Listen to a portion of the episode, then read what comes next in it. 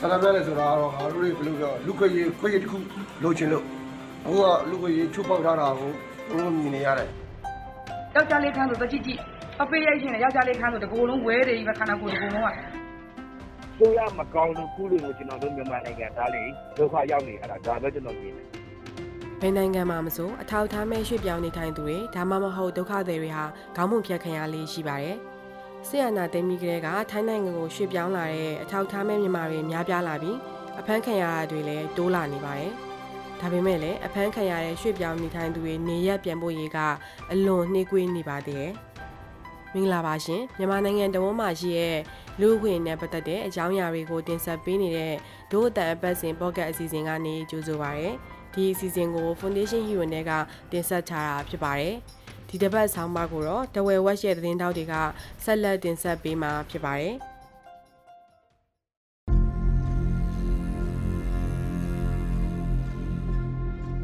ဆန္ဒပြတယ်ဆိုတာကတော့ငါတို့တွေဘယ်လိုပြောလူခွေရေးခွေရေးတစ်ခုလိုချင်လို့အခုကလူခွေရေးချုပ်ပေါက်ထားတာကိုဘုံမြင်နေရတယ်ဒီခန်းထဲမှာဆိုရင်တက်တက်နေတာပေါ့ကွာအခုလူတွေပိတ်သိမ့်နေတာ ဒါဆိုငါတို့အိမ်ဝင်နေဖို့စားဖို့ကလည်းမစိတ်မပြေဘူးပြီးခဲ့တဲ့လအနေငယ်ကထိုင်းနိုင်ငံရှင်နောင်မြို့ကလာဝကအချိုထောင်ထဲမှာနေရတဲ့အခြေအနေတွေကိုကိုမောင်လေးပြောပြနေတာပါအချိုထောင်ထဲမှာဒီလိုခြေကာလကြာမြင့်စွာနေကြရတဲ့အတွက်ကိုမောင်လေးပေါင်မြန်မာနိုင်ငံသားရွှေ့ပြောင်းလူသားတွေဟာအခုနှစ်ဇန်နဝါရီလ28ရက်နဲ့29ရက်နေ့တွေမှာနှစ်ရက်ဆက်တိုက်အစာငတ်ခံဆန္ဒပြကြပြီးအိပ်ပြခွင့်ယာယီတောင်းဆိုခဲ့ကြပါတယ်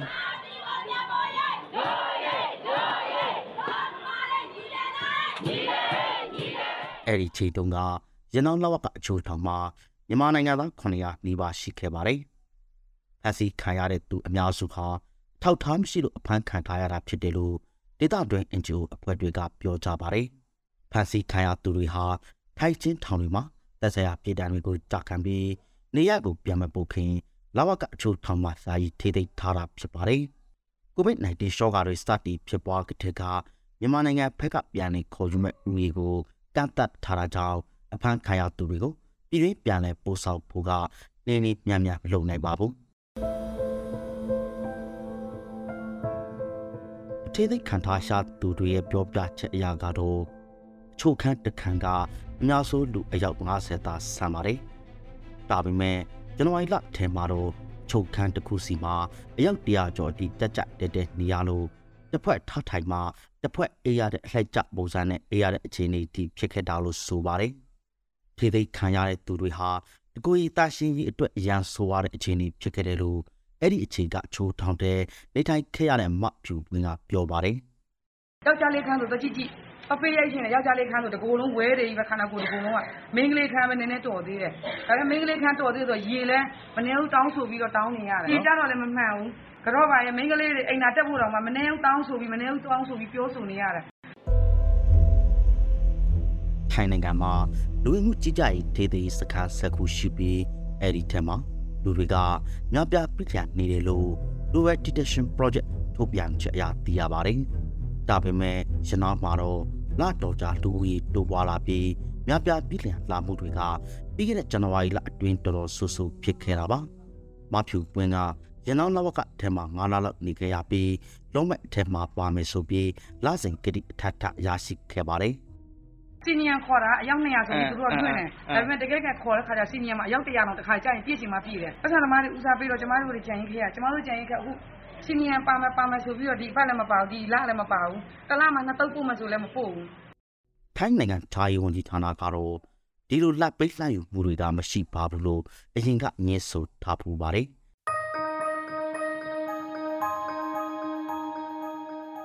တိုတန်ကပြီးခဲ့တဲ့နှစ်ကရနောင်လာဝကအချိုးထောင်မှာထိသိမ်းခံခဲ့ရတဲ့ရွှေ့ပြောင်းလို့သားကိုစီသူနဲ့စကားပြောဆိုခဲ့ပါတယ်။ သူကပိုက်ဆံနဲ့လာထိုးခဲ့တဲ့အတွက်နေအိမ်ကိုစောစောပြခွင့်ရခဲ့ပေမဲ့ငွေပေးတိုင်းလည်းပြန်လို့ဖို့ကအမခံမှုမရှိဘူးလို့ဆိုပါတယ်။ဒီကောင်ကလက်ခံနေတာကြိုက်ရကြောကြီးမဆက်ပေးထွက်လာတာမဆက်ဘာတက်တော့အဓိကကတော့တက်တေကန်အနေနဲ့ကြံခဲ့လို့ပတ်စံပေးပြီးထွက်လာတာဘတ်တထောင်ပေးပြီးထွက်လာတယ်ဒီဘတ်တထောင်ကိုတော့မှအပြင်မှာစုံစမ်းပြီးလာဘကရုံးနဲ့ရှင်းတီးတဲ့သူနဲ့မှရတာအဲကြံတဲ့သူတွေထဲမှာအလိန်ခံရတဲ့သူတွေလည်းရှိတယ်ဒီလလွတ်မဲ့ ဘတ်9000ပေးရမယ်ဆိုရင်ဒီလလည်းမပေါဘူးနောက်လလည်းမပေါဘူးနောက်နောက်သုံးကကြံနေခဲ့တဲ့သူတွေလည်းရှိတယ်ဒီလိုတွေလှုပ်ဆောင်နေရင်ကဇန်နဝါရီလအတွင်းရန်နောက်မှာကျင်းသားဥယျာဉ်တွေဘာလို့များပြားလာပါလဲပထမတစ်ချက်ကတော့မြန်မာနိုင်ငံဖက်နေကျမ်းမာရေးနဲ့လူချိုရေးခြေနေတွေကြောင့်ဆိုပြီးကိုဗစ် -19 ဖြစ်ပွားနေတဲ့အချိန်ကတည်းကလစဉ်နေရပြန်ခေါ်မဲ့လူဦးရေတွေကိုကန့်တတ်လိုက်ပါတယ်ဒုတိယချက်ကတော့အာနာဒေလီနောက်ပိုင်းနောက်ဆက်တွဲအနေနဲ့ နိုင်ငံပြည်စီးပွားရေးကျဆင်းလာတာတွေကြောင့်ထိုင်းနိုင်ငံတွင်ကိုထောက်ထားမဲ့ရွှေ့ပြောင်းလုပ်သားတွေပိုများပြားလာတာကြောင့်ပါကိုဗစ် -19 ကြောင့်ရန်နာထားရတဲ့ MOU စနစ်နဲ့ရွှေ့ပြောင်းလုပ်သားခေါ်ယူမှုတွေကလည်း2022ခုနှစ်မှာပြန်စတင်နိုင်ခဲ့ပြီးလုပ်ငန်းစဉ်တွေကိုလည်းလင်းများစွာမလုပ်ဆောင်နိုင်ပါဘူး။ပြီးခဲ့တဲ့လတွေတုန်းကလည်းနိုင်ငံတွင်းမှာနိုင်ငံကူးလက်မှတ်ထုတ်ပေးတဲ့စနစ်ကလည်းရပ်တန့်သွားခဲ့ပါတယ်။ဒါအပြင်နိုင်ငံရေးခြေအနေတွေကြောင့်ထွက်ပြေးလာရသူတွေ နိုင်ငံကူးလက်မှတ်တက်တမ်းမတိုးနိုင်သူတွေတော့မဟုတ်နေဆက်စစ်စစ်ကိတွေမှာဖြတ်ပြီးလာရင်ဖန်ဆီးခံရမှာကြောက်သူတွေလည်းရှိနေပါတယ်။အဲဒီလိုဖေရတွေကထောက်ထားမဲ့ဝင်ရောက်မှုတွေအရေးအတွက်ကိုပိုပြီးတိုးလာစေသလိုဖန်ဆီးတွေလည်းပိုများလာစေပါတယ်။ထိုင်းနိုင်ငံဟာလောကတဲ့အနေထားစစ်တမ်းဆိုင်ရာစာချုပ်ကိုလက်မှတ်မထိုးထားတဲ့နိုင်ငံဖြစ်တာကြောင့်ထောက်ထားမဲ့ရွှေ့ပြောင်းနေထိုင်သူတွေဒါမှမဟုတ် နိုင်ငံရေးကြောင့်ရွှေ့ပြောင်းလာရတဲ့သူတွေအားလုံးအတွက်ဆက်ဆံမှုကလည်းဒူဒူဖြစ်ပါတယ်။အာနာသိန်းတဲ့2021ခုနှစ်ကနေအခုနှစ်ဖေဖော်ဝါရီလကြီးတနင်္လာကာလတွင်မြမရွှေ့ပြောင်းလို့သာအနည်းဆုံး၅သိန်းကျော်ဟာ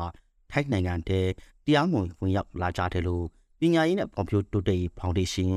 FED ရဲ့တည်ထောင်သူဦးထူးချက်ကဆိုပါတယ်။ထိုင်းနိုင်ငံတွင် ဟန်စင်ပူတဲ့ထိုင်းဆိုရကမြန်မာပြည်ပြန်ပို့တဲ့ချက်လက်တွေကိုကိုးကားပြီးအခုလိုခံမှန်းပြောဆိုတာပါ။ထိုင်းအချိုးထောင်တွေထဲကာလကြာရှည်ချွတ်နောက်ခံနေကြတဲ့မြန်မာရွှေပြောင်းလူသားတွေရဲ့အရေးကိစ္စပါဝင်လုံသမားအခွင့်အရေးစတဲ့လူခွင့်ချိုးဖောက်ခံရတဲ့ကိစ္စတွေရှောင်နေအောင်လုပ်ဖို့အရေးကသက်ဆိုင်ရာအစိုးရတွေမှာတာဝန်ရှိတယ်လို့ဦးထူးချက်ကပြောပါတယ်။ဒါတွေအားလုံးကဒီအစိုးရတွေမှာတာဝန်ရှိရဲဒါကျွန်တော်တို့ အလုပ်သမားရေးလုပ်နေကြတဲ့ဟိုအလုပ်သမားဖွဲ့စည်းတွေလူပုဂ္ဂိုလ်တွေနဲ့လည်းအဲ့လိုမျိုးပူးပေါင်းဆောင်ရွက်ပြီးတော့เนาะအကောင့်တွေပေါ်မယ်ဆိုလို့ရှိရင်ချိုးပြဿနာတွေကဟိုပပျောက်တာတဲ့ကျွန်တော်အများကြီးဟိုယွန်နေသွားလိမ့်မယ်လို့တော့ကျွန်တော်တို့ယုံကြည်ပါတယ်ဗျာ ဒါပေမဲ့လည်း COVID-19 စီမီစီကံတွေကိုကြကြပြပြဖြေလျှော့ပေးနေချိန်မှာလေရပြန်ဖို့ပေးဖို့ဘာကြောင့်ကန့်သတ်ထားရပါသလဲ။မြန်မာအာဏာပိုင်တွေကပြန်လဲခေါ်ယူမဲ့အရေးအတွက်ကိုဘာကြောင့်ဝန်တိုးနိုင်တာပါလဲ။ တိုးတန်ကဘန်ကောက်မြို့မြန်မာတန်ရုံကအလုံသမားတာမှုကိုဆက်သွယ်ခဲ့ပေမဲ့အပြေမရရှိခဲ့ပါဘူး။ပြီးခဲ့တဲ့ဇန်နဝါရီလတုန်းကရှင်နောက်ကထိသိခံထားရသူတွေကအိပ်ပြန်ပုတ်နေတဲ့အကြောင်းကိုဥပမာထားပြောပြီးထိသိခံထားရတဲ့အလုံသမားတွေအိပ်ပြန်ခွင့်ရရှိဖို့အတွက်စူးစမ်းဆောင်ရွက်နေတယ်လို့ပဲယူရှင်းစွာဖြေကြားခဲ့ပါတယ်။အခြားရင်းမြစ်တစ်ခုရဲ့ပြောကြားထားမှုအရာကတော့လူချိုရေးပြဿနာတွေကြောင့်အဖမ်းဆီးခံထားရသူတွေကို နေရအတီးတီးကိုအရေးအတွက်ကာသမှုမရှိပြန်မပို့နိုင်တာလို့ဆိုပါတယ်။တနင်္လာရီတိုက်စစ်ကောင်စီပြောရေးဆိုခွင့်ရှိသူဖွန်ကြီးလောက်ခဲ့ဖူးတဲ့ဥယျာဉ်ထွေကတော့ COVID-19 ကာသမှုတွေကလည်းပြောင်းလဲသွားပြီးကြမ်းကြမှုမရှိပဲပြန်လဲခေါ်ယူနေတယ်လို့တုတ်ပြန်ပြောဆိုပါတယ်ကွာရန်တင်းမထားဘူးသူကစစ်မှပြေးမှထားတာလေအဲ့နိုင်ငံနေပြည်တော်စီပြီးတော့ပြန်လွှဲကိုတို့ကိုအကြောင်းကြားတယ်အကြောင်းကြားရင်ကိုတို့ကနေသူ့ကိုနိုင်ငံသားယူခြင်းစစ်စစ်တယ်နိုင်ငံနိုင်ငံနိုင်ငံသားမှန်တယ်ဆိုကိုတို့ကလက်ခံပြီးတာပေါ့ ဘာမှဒါကြံ့ကြတာပြေးတာမရှိဘူး။ဒီပြောဆိုချက်ကိုရနောင်းနဲ့အခြားနေရာတွေမှာထိသိမ်းခံထားရတဲ့ရွှေ့ပြောင်းအလုံးသမားတွေကသဘောမတူပါဘူး။ထိုင်းနိုင်ငံမှာရှိတဲ့မြန်မာတာဝန်ရှိသူတွေအနေနဲ့လုံသမားတွေကိုဒီတက်အကူအညီပေးတာတွေလုံသိမ့်တယ်လို့တက်ကြွလှုပ်ရှားသူတွေကပြောကြပါတယ်။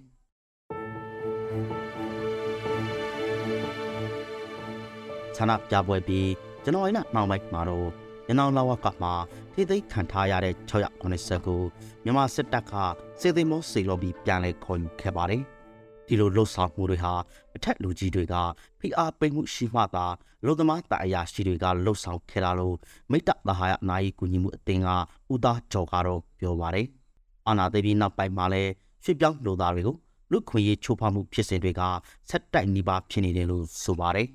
မိဘသာသမီကိုကုသာသမီတန်ဖိုးထားရင်တော့ ဒီမှာလာရိုက်လို့ရမလား ဟုတ်မလား ကိုမိဘမှာကုသာသမီတန်ဖိုးမထားရင်တော့ဒီရက်ကောင်ကတော့ ရိုက်မှာပေါ့ ဒါပဲရှိတာလေ အခုလည်း ဒါပဲ ကျွန်တော်တို့ဒီအစိုးရမကောင်းလို့ခုလိုမျိုး ကျွန်တော်တို့မြန်မာနိုင်ငံသားလေဒုက္ခရောက်နေရတာဒါပဲကျွန်တော်မြင်တယ်ကျွန်တော်မြန်မာဆိုးရတာကောင်းနေမှဆိုခုလိုကျွန်တော်တို့ မြန်မာနိုင်ငံသားတွေခုလိုမျိုး ဒုက္ခခံရမှာလည်း မဟုတ်ဘူး ခင်ဗျာအခုတင်ဆက်ပေးခဲ့တဲ့အစီအစဉ်ကိုနားဆင်ကြကြရလို့ကျင်းနေမယ်လို့ဒို့အတန်အဖွဲ့သားတွေကမျှော်လင့်ပါတယ်။ဒီအစီအစဉ်ကိုလူရှင်တွေကပတ်မို့ကူညီထားပြီး Frontier မြန်မာနဲ့ Foundation Hero နဲ့တို့ကပူးပေါင်းတင်ဆက်ကြတာဖြစ်ပါတယ်။ဒို့အတန်အစီအစဉ်ကိုနားဆင်ပြီးရဲ့အတွက်ကျေးဇူးအထူးတင်ရှိပါတယ်ရှင်။